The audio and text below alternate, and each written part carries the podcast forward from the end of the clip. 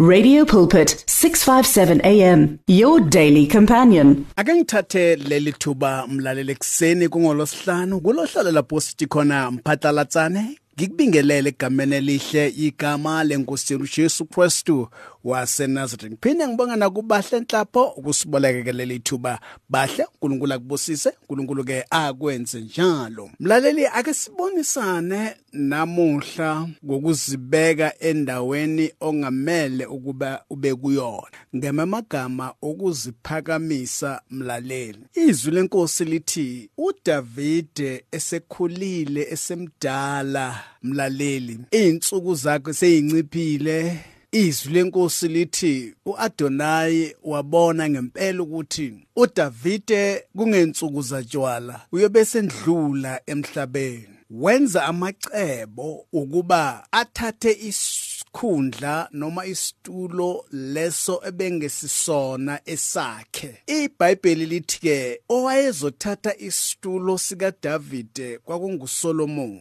uAdonai beka kwazi kamhlophe lokho. Ukuthi isikhundla sika Davide siyothathwa indodana ka kaDavid unguSolomon. Naye uAdonai indodana kaDavid izwi lenkosi lithi ke uAdonai waziphakamisa wathi mina ngiyakuba yinkosi. Wazilungiselela izinqola namahashi nabantu abangamashumi ayisihlanu ukugijima phambi kwakhe mlaleli. Izinto esiyibona ezweni esiphila kulo umlaleli. Kungako kuchitheka igazi ngenxa yabantu abathatha izikhundla ezingabafanele.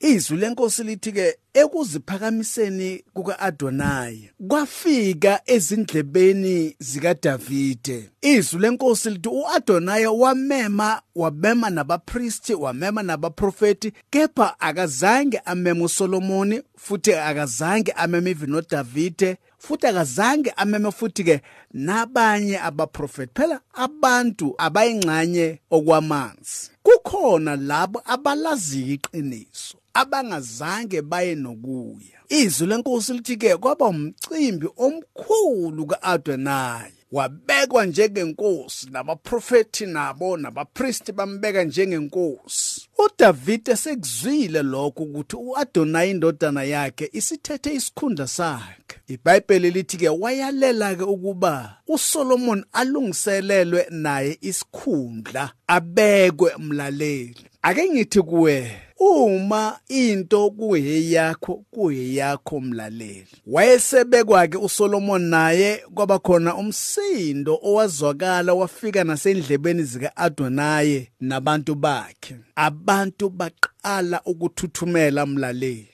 ngoba okokuqala uAdonai uma azothatha isitulo leso impilo kaSolomon bizoba sengcopheni nempilo yabanye abantu beyizoba sengcopheni ngenxa yokuthi aka akuyena umuntu ofanele leso situlo akuyena lo muntu ofanele leso sikhundla.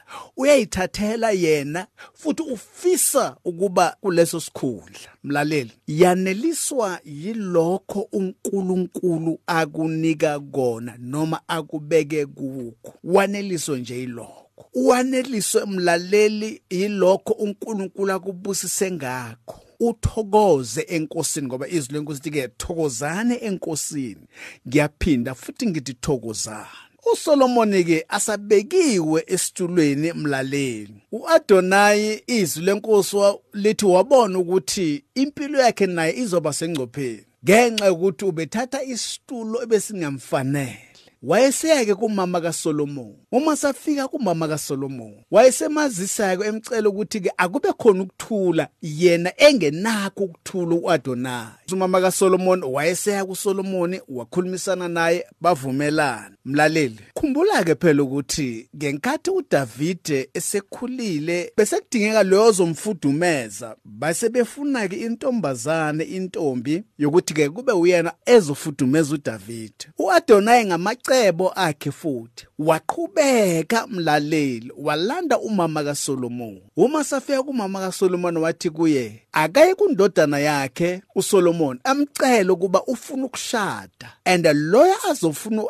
azomshada yiloyo owayehluzi noDavide owayefuthumeza uDavide. Umama kaSolomon waphinde wabuyela kuSolomon uma sebuyela kuSolomon wayesemcela futhi ukuthi ke uAdonai ufuna ukushada. Umuntu afuna ukumshada uAbishai. uSolomon wabona ukuthi le ndoda iza namacebo. Wayesethi kumama wakhe osekusele manje lokhu ukuthi ke umcelelo uAdonai kuba athathe lesikhundla mlaleli abantu abanamacebo bayaqhubeka nanoma asaphelile. Icebo lakhe lokuthatha isikhundla laphela.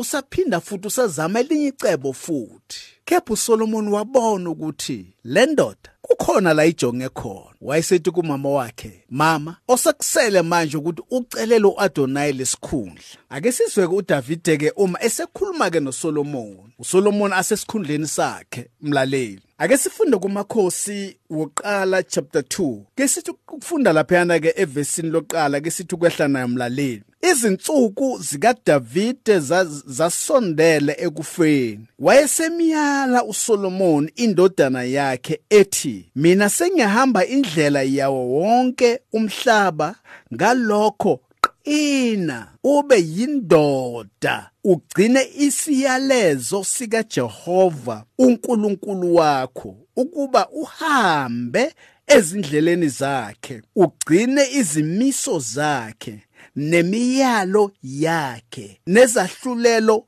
zakhe nobufakazi bakhe njengokulotshiweyo emthethweni kaMose ukuze uphumelele kukho konke okwenzayo. Nakukho konke okubhekayo ukuze uJehova aqinise izwi lakhe alukhuluma ngami ngokuthi uma abantwana bakho begcina indlela yabo ukuba bahambe phambi kwami eqinisweni ngayo yonke inhliziyo yabo nangawo onke umphefumulo wabo awuyikuntula muntu. Washo njalo esihlalweni sobukhosi sika-Israyeli.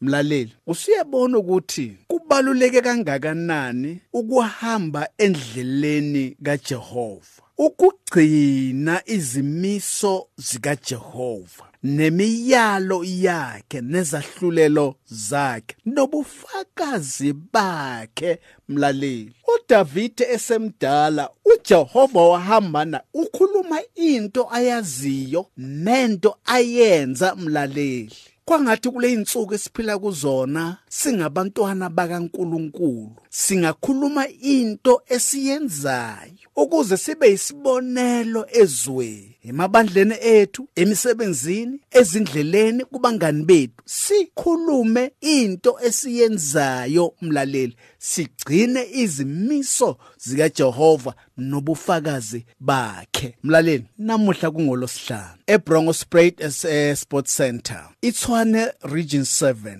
abafundisi bonke baye bedibene lapho bakhulekela izwe lethu. Sisenkingeni mlaleli.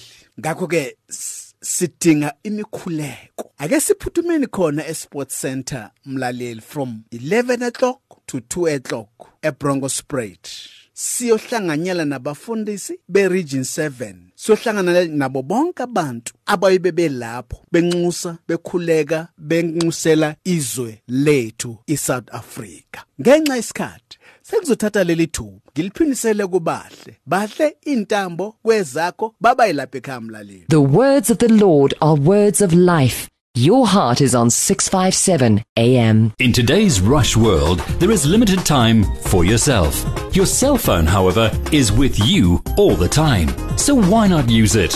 Visit our Radio Pulpit website with your cell phone and restore your soul.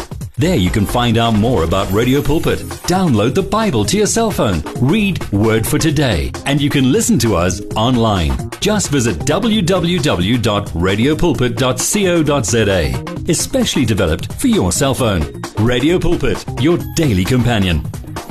You and 657 AM and life a winning team on the road to eternity.